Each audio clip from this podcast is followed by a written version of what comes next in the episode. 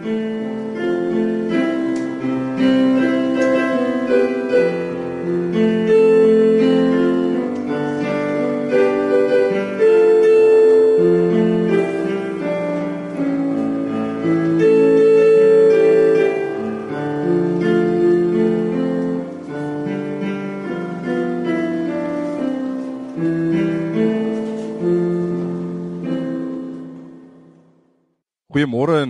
Hartlik welkom by ons oggendbyeenkoms, ons oggenddiens. En dan ook 'n spesiale woord van welkom aan al die RSG luisteraars wat via die radio of die internet by ons ingeskakel is vandag. Dis regtig vir my 'n voorreg om om julle te verwelkom. Ons het nou geleentheid om die Here te loof en te prys en sy naam groot te maak en ons gaan die bekende lied sing Hoe groot is ons God.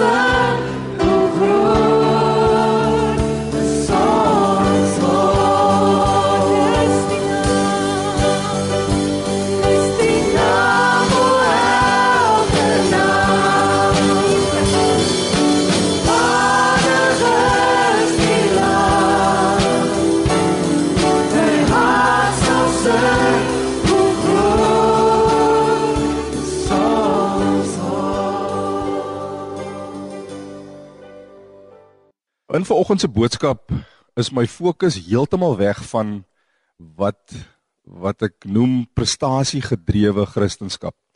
Nou met prestasiegedrewe kristendom bedoel ek dat ons as Christene goeie dinge doen, maar dan dikwels met die verkeerde motief.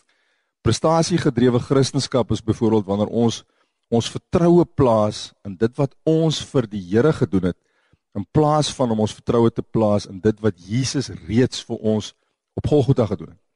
So ons gaan dus vanoggend die klem plaas op alles wat Jesus kom doen het toe hy op aarde was. Eerstens wat hy vir die mensdom in die algemeen kom doen het en die enorme verskil wat dit aan ons almal se dag tot dag lewens gemaak het.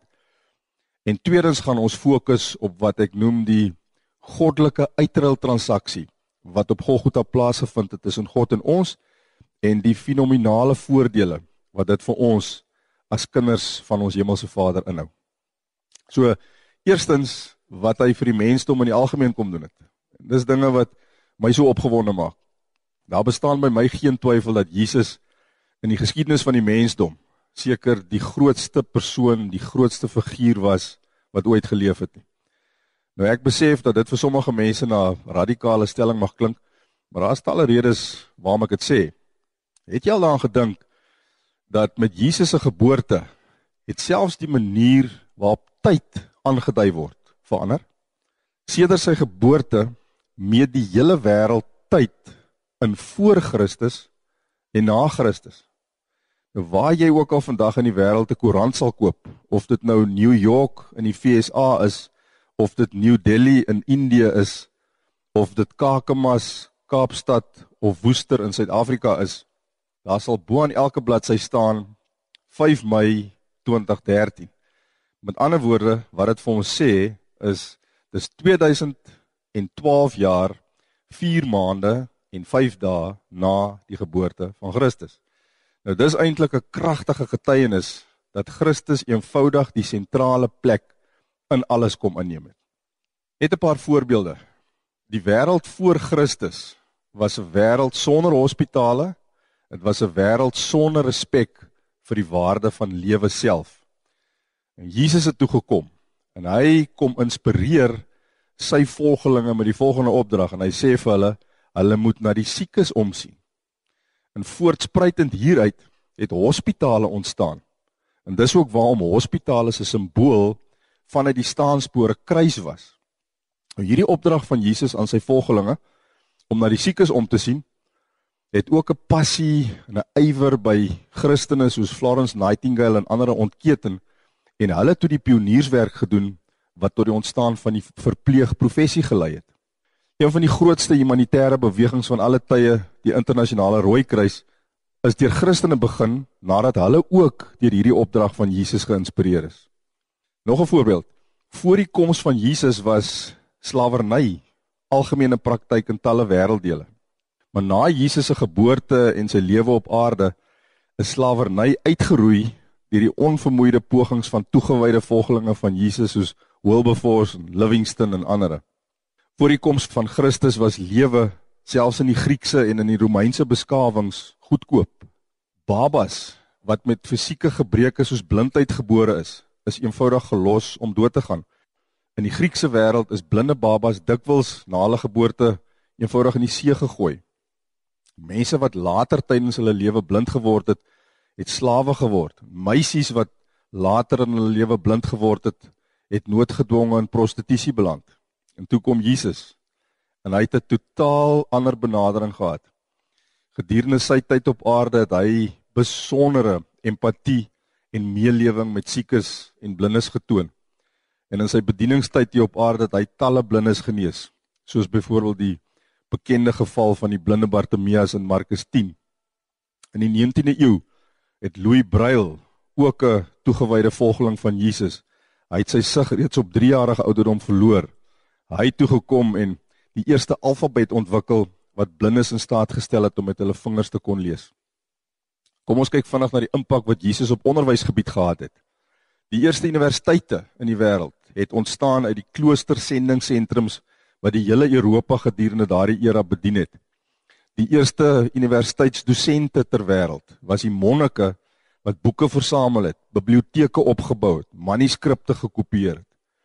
Talle beroemde universiteite het as Christenskole begin. Dit sluit in hoog aangeskrewe akademiese instellings soos Harvard, Yale, Princeton, Oxford, Cambridge, Heidelberg en ander. Waarskynlik een van die grootste ontdekkings op akademiese gebied was Gutenberg se uitvinding van die drukpers. Nou Gutenberg was ook 'n toegewyde volgeling van Jesus. En die eerste boek wat ooit gedruk is, was die Bybel. Die fenomeen van onderwys vir die massas het ook sy ontstaan in die Christendom gehad. Voor die geboorte van Christus het die Grieke en die Romeine glad nie formele onderrig aan vroue en meisies gegee nie. Slegs seuns van die bevoorregte stand het toegang tot formele onderrig gehad. En toe kom Jesus en hy gee vir sy volgelinge 'n opdrag, 'n baie eenvoudige opdrag en hy sê vir hulle: "Gaan heen, maak disippels van alle nasies en leer hulle." Nou geïnspireer deur hierdie woorde van Jesus, leer hulle het die Christendom toe as dit ware 'n revolusie veroorsaak deur onderwys vir alle klasse en alle geslagte toeganklik te maak. En dit het later daartoe gelei dat Sint Augustinus, belangrike figuur in die geskiedenis, hy het die opmerking gemaak dat Christen vroue selfs beter opgevoed was as heidense manlike filosowe. Die meeste tale in die wêreld is vir die eerste keer deur Christen sendelinge op skrif gestel. Die eerste boek in die meeste tale was die Bybel. Die Christen sendeling beweging van die 19de eeu was verantwoordelik vir die plant van talle skole in Afrika, Asië, asook in die Suidsee eilande. En sodoende tienduisende mense toegang tot onderwys gekry, selfs in die mees ver afgeleë oerwoude. Op dië manier het talle stamme wat nooit voorheen 'n geskrewe taal gehad het nie, die geskenk van geletterdheid ontvang. Jesus se invloed op die restaurantwese. Baie interessant. Die eerste restaurant ter wêreld is geïnspireer deur die woorde van Jesus in Matteus 11 vers 28 waar hy sê kom na my toe almal wat vermoeid en belas is en ek sal julle rus gee. Nou die restaurant was in Parys, Frankryk en die woorde van Jesus was in groot vet letters buite die ingang van die restaurant opgesit. En dit was dan ook die eerste restaurant waar maaltye in 'n aangename, rustige omgewing en atmosfeer geniet kon word om op te som. In die antieke wêreld het die leringe van Jesus 'n einde gebring aan babamoord. Vroue is bevry, slawerny is beëindig, hospitale is opgerig, die verpleegprofessie het gestalte gekry en skole het ontstaan. In die middeleeue het die Christendom biblioteke, colleges en universiteite opgerig. En in die moderne era het Christen onderrig die wetenskap bevorder, politieke sosiale en ekonomiese vryheid bevorder. En dit was ook die grootste inspirasie vir die uitmuntende prestasies op die gebied van kuns, musiek, literatuur en argitektuur. Nou hierdie is maar 'n paar van die wonderlike dinge wat op aarde gebeur het voortspruitend uit Jesus se koms hierheen. As ek dink oor al hierdie dinge, is ek regtig in my hart oortuig dat geen ander filosofie, geen geloof, geen nasie die wêreld so positief verander het as wat Jesus Christus en sy getroue volgelinge gedoen het nie. Nou tweedens wil ek die fokus plaas op die kom ons noem dit die goddelike uitruil transaksie wat op Golgotha plaasgevind het tussen God en ons en dan ook op die fenominale voordele wat dit inhou vir ons as God se kinders. As ons gaan kyk in Johannes 19 vers 30 dan was die laaste woorde van Jesus aan die kruis was gewees dit is volbring. Nou eintlik was dit net een woord wat Jesus gesê het net voordat hy sy laaste asem uitgeblaas het en die woord was tetelestai. Nou ek is ek is baie lief vir hierdie woord. Dis 'n woord wat my hele lewe, my hele bediening verander het. Nou die woordjie tetelestai beteken om tot 'n einde te bring of dit beteken om uit te voer of om te volbring of om te voltooi of om te betaal. Nou in die tyd toe Jesus op aarde was, het verskeie mense dikwels die woord gebruik. Slawe het byvoorbeeld die woord gebruik wanneer hulle eienaars vir hulle taak gegee het en hulle teruggekeer het om te kom rapporteer dat hulle die taak suksesvol afgehandel het. Kunstenaars het ook dikwels die woord gebruik wanneer 'n kunstenaar sy kunswerk voltooi het, het hy teruggestaan die werk vanaf 'n afstand betrag en dan gesê tetelestai. En daarmee het hy aangedui dat hy tevrede is met sy werk en dat die kunswerk voltooi is. Die woord is ook deur handelaars gebruik. As iemand 'n item by 'n handelaar gekoop het en die artikel oor 'n klompie maande afbetaal het, het die handelaar na betaling van die laaste paaiement die woord tetelestai op 'n brief of 'n nota geskryf en dit aan die koper oorhandig. En dit het dan beteken dat die skuld ten volle vereffen was as gevolg van hierdie kruiswoorde van Jesus toe hy gesê het tetelestai dit is volbring sou dinge vir jou en vir my as wedergebore gelowiges, vir ons as kinders van ons hemelse Vader nooit weer dieselfde wees nie. Kom ons kyk gou na wat op Golgotha gebeur het. Net nadat Jesus gesê het dit is volbring, het hy sy laaste asem uitgeblaas. Nou een van die mees betekenisvolle dinge wat gebeur het die oomblik toe Jesus aan die kruis gesterf het, was dat die voorhangsel van Herodes se tempel in Jerusalem van bo na onder geskeur het.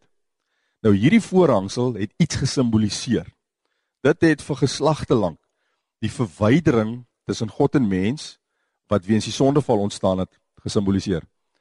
Nou hoewel God weens die mense sondige toestand nie anders kon as om hierdie verwydering vir 'n lang tyd te handhaaf nie, het die Here nogtans die voorhangsel verag amper soos 'n gevangene sy sel deur verag juis omdat dit die verwydering tussen hom en die mense wie hy na sy eie beeld geskaap het gesimboliseer het. En die oomblik toe Jesus die lam van God wat die sondes van die wêreld sou kom wegneem, die oomblik toe hy aan die kruis geslag is, het God nie 'n oomblik geaarsel nie. Hy het self die voorhangsel van bo na onder geskeur en so is die mens in Christus weer met God die Vader herenig. Daar's twee tuine in die Bybel waarin werklik epogmakende gebeure afgespeel het. Die eerste tuin is die tuin van Eden.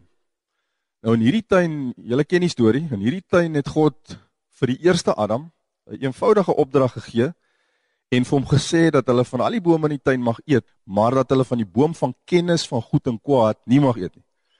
Maar die eerste Adam het 'n wat ons kan noem 'n rebelse hartsgesindheid geopenbaar En hy het as dit ware met sy gesindheid en met sy dade het hy vir die Here gesê: "Vader, nee, nie u wil nie, maar my wil geskied."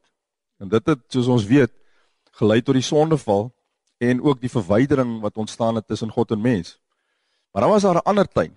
En dit was die tuin van Getsemane. En hierso het die laaste Adam, Jesus Christus, heeltemal die teenoorgestelde hartsgesindheid teenoor sy Vader geopenbaar. En hy het gesê: "Vader, nogtans nie my wil geskied nie, maar u wil geskied.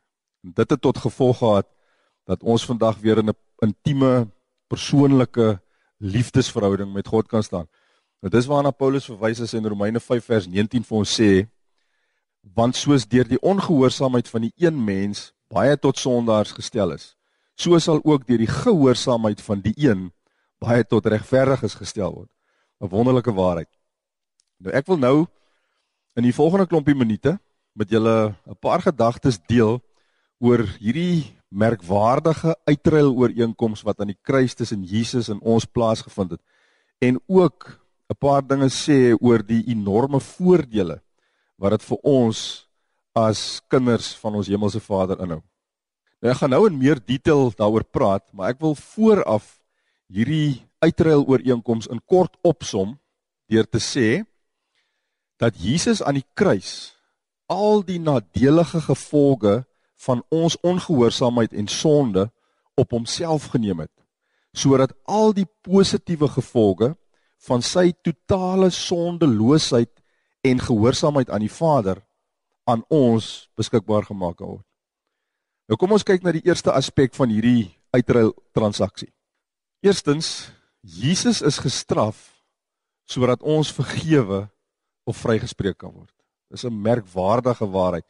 Dis al ongeveer 700 jaar voor die geboorte op Golgotha wat die profeet Jesaja hierna verwys het en hy hy skryf en hy sê maar hy dis nou Jesus is ter wille van ons oortredinge deurboor ter wille van ons ongeregtighede is hy verbrysel die straf wat vir ons die vrede aanbring was op hom 'n tweede aspek van hierdie uitruil transaksie Jesus het sonde geword sodat ons kan word die geregtigheid van God in Christus. In 2 Korintiërs 5 vers 21 lees ons, dan skryf Paulus, want hy, dis God die Vader, het hom, dis Jesus, wat geen sonde geken het nie, sonde vir ons gemaak sodat ons kan word geregtigheid van God in hom. Nou om die verrykende implikasie van hierdie skrifgedeelte reg te verstaan, moet ons die sondeoffer wat 'n sondaar in die Ou Testament onder die Levitiese wette moes bring. Ons moet dit verstaan. Nou wanneer iemand in daai tyd gesondig het, moes hy 'n geskikte offerdier bring, of 'n skaap of 'n bok of 'n bul, wat die geval ook al mag wees. En hoe belangriker die persoon wat die offer gebring het was, hoe groter moes die offer wees. Byvoorbeeld as die hoëpriester gesondig het, moes hy 'n bul bring. Nou wanneer die sondaar dan sy offerdier gebring het, het die priester sy hande op die offerdier se kop gelê terwyl die sondaar sy oortredinge oor die offerdier bely het. En op hierdie wyse is die sondaar se oortredinge, sy sondes simbolies oorgedra op hierdie offerdier.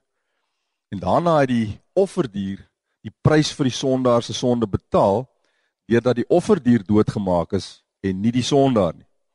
Nou hierdie sondeoffer of die sondebok dan nou was dis iets waarop die sonde van die sondaar eers oorgedra is sodat die offerdier die prys kon betaal vir die sondaar se sonde. Hierdie was als profetiese heenwysers na Jesus Christus, die lam van God wat geslag sou word. So op hierdie op hierdie selfde manier is die ganse mensdom se sondes eers op Jesus oorgedra op hom wat totaal rein, totaal heilig, totaal sondeloos, absoluut gehoorsaam aan die Vader was. En toe die mensdom se sondes oorgedra is op Jesus, toe hy die prys betaal deur in ons plek te sterf. 'n Derde aspek van die goddelike uitruil transaksie op Golgotha. Jesus is gewond sodat ons gesond of genees kan word. Weereens in Jesaja hoofstuk 53 hier in vers 4 en 5 sê Jesaja vir ons dat Jesus ons krankhede op hom geneem het en dat daar deur sy wonde vir ons genesing gekom het. En ons vind in die Nuwe Testament vind ons bevestiging hiervoor. Matteus 8 vers 16 en 17. Ons lees daar en toe dit aand geword het, het hulle almal wat ongesteld was na Jesus gebring en hy het hulle gesond gemaak. Nou dis ook insiggewend om daarop te let dat wanneer die Bybel praat van die genesing wat Jesus op Golgotha vir ons bewerkstellig het, dat dit altyd in die verlede tyd gedoen word. Kom ons kyk gou.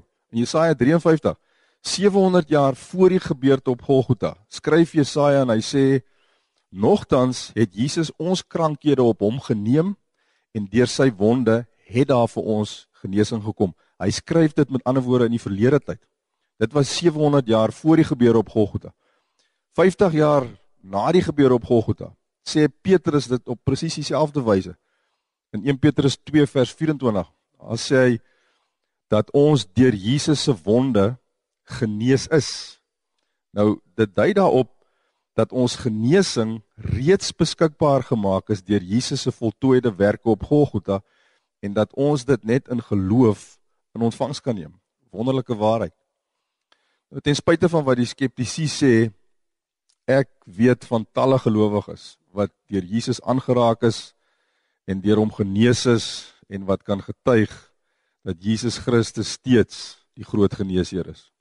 'n Verdere aspek van hierdie goddelike uitruil transaksie, Jesus het die dood gesmaak sodat ons sy lewe deelagtig kan word. In Hebreërs 2 vers 9 sien ons dat Jesus deur die genade van God vir elkeen van ons die dood gesmaak het. Nou let veral op die woordjie genade. Enige iets wat ons uit genade ontvang, kan ons nie verdien nie. Indien ons iets kan verdien of waarvoor kan werk of daarvoor kan betaal, kan dit nie meer uit genade wees nie. Dan raak dit meriete of verdienste. So wat hierdie vers vir ons sê is dit is danksy die genade van God dat Jesus die dood gesmaak het in die plek van ons almal wat eintlik verdien het om te sterf. En hier is die uitruil transaksie. Jesus het in ons plek die dood gesmaak sodat ons sy lewe, dit wil sê ewige lewe, deelagtig kan word.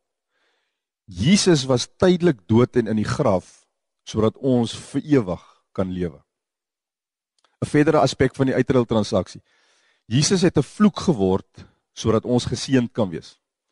In Galasiërs 3 vers 13 en 14 sê Paulus Christus het ons losgekoop van die vloek van die wet deur vir ons 'n vloek te word want daar's geskrywe vervloek is elkeen wat aan 'n hout hang sodat die seun van Abraham na die heidene kan kom in Christus.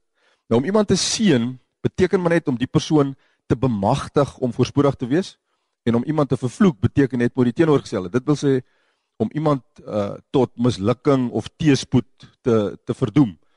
Nou ons verstaan vandag baie min van seëninge en vloeke. Maar ek wil vir julle sê dat in die in die Bybelse tyd was dit algemene praktyk en het die mense die belangrikheid hiervan besef.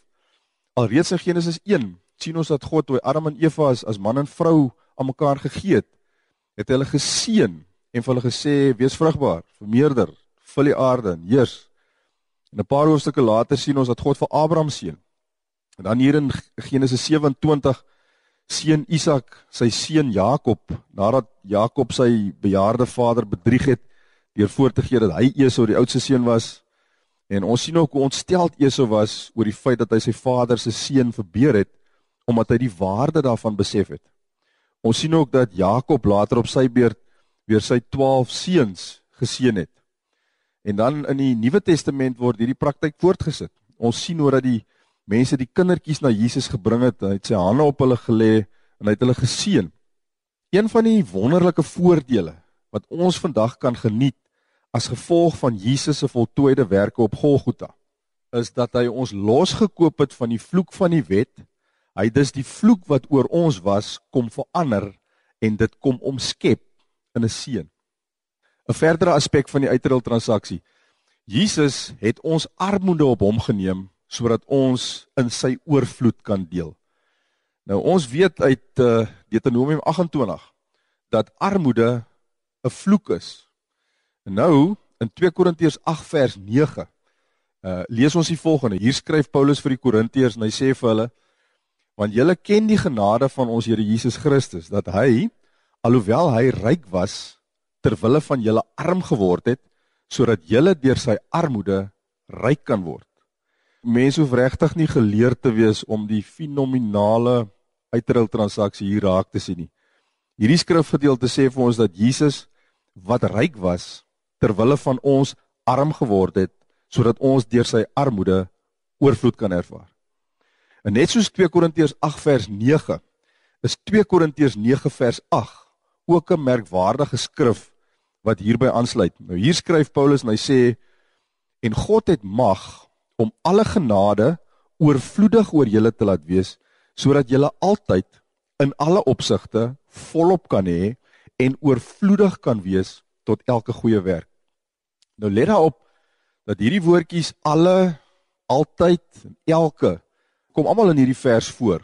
Beide die woorde volop en oorvloedig is ook in hierdie selfde vers ingebou. So dit is baie duidelik dat die Here hier iets vir ons wil beklemtoon en dit is Hy wil beklemtoon dat hy oorvloedig in al ons behoeftes wil en kan voorsien. En die basis waarop die skrif staan is weer genade. Ons kan dus nie God se oorvloedige voorsiening verdien nie. Ons kan dit slegs uit genade in geloof ontvang en is weer eens die gevolg van Jesus se voltooide werke. 'n Verdere aspek. Jesus het ekstreme stresvlakke verduur sodat ons oor niks besorg hoef te wees nie. Nou daar's 'n mediese term, so regte tonknoper en die medisien noem dit hematidrosis. Nou dit dui op 'n toestand waar iemand wat aan ekstreme stresvlakke blootgestel word, letterlik begin om bloed te sweet. In die tuin van Getsemane het Jesus 'n uiters intense worsteling deurgegaan en was hy sonder twyfel aan uiterste stresvlakke blootgestel tot die punt waar hy letterlik bloed gesweet het. Nou hier sien ons weer die goddelike uitruil transaksie. Jesus het deur hierdie dinge gegaan sodat ons in sy rus kan ingaan en ons oor niks bekommerd hoef te wees nie. 'n Verdere aspek. Jesus is deur God die Vader verlaat sodat die Vader ons nooit hoef te begewe of verlaat nie. Matteus 27 vers 46 lees ons dat Jesus toe hy aan die kruis gehang het omtrent die 9de uur het hy met 'n groot stem uitgeroep en hy het gesê my God my God waarom het U my verlaat? Nou dit is sover ek weet die enigste plek in die hele Nuwe Testament waar Jesus die Vader as God aangespreek het en nie as Vader nie. En die rede hiervoor was dat Jesus toe reeds die sonde van die ganse mensdom op homself geneem het En daarom het die Vader in daai oomblikke nie met Jesus gedeel as sy geliefde seun nie, maar het met Jesus gedeel as die een wat met die sonde van die hele wêreld besmet was. En uh die Vader het hom in daai oomblikke wel verlaat. En weer eens hieso is 'n wonderlike uitrol transaksie. Die Vader het Jesus verlaat en dit het ons in 'n posisie geplaas dat die Vader ons nooit sal begewe of nooit sal verlaat nie. Die Griekse woord wat in Afrikaans met die woordjie evangelie vertaal is, kom soveel as 74 keer in die Nuwe Testament voor.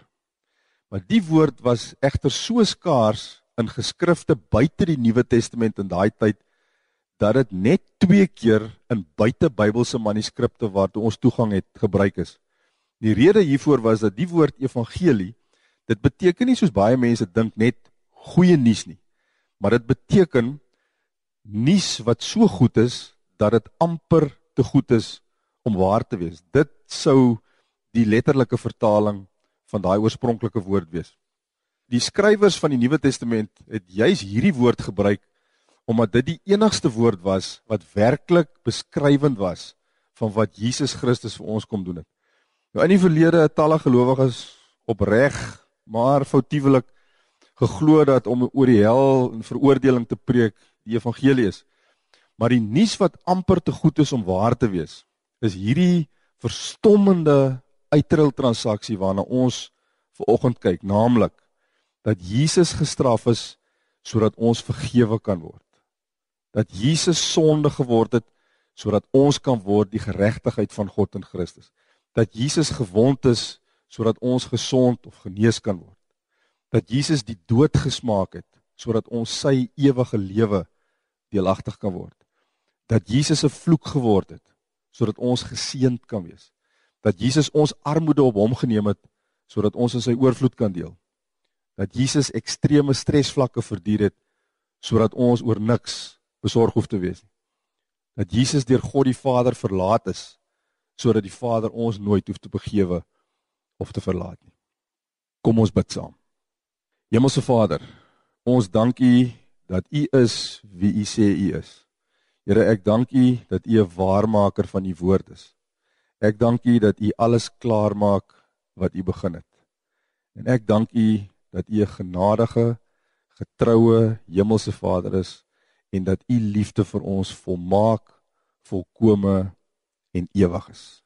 Ons bid dit in Jesus se naam. Amen.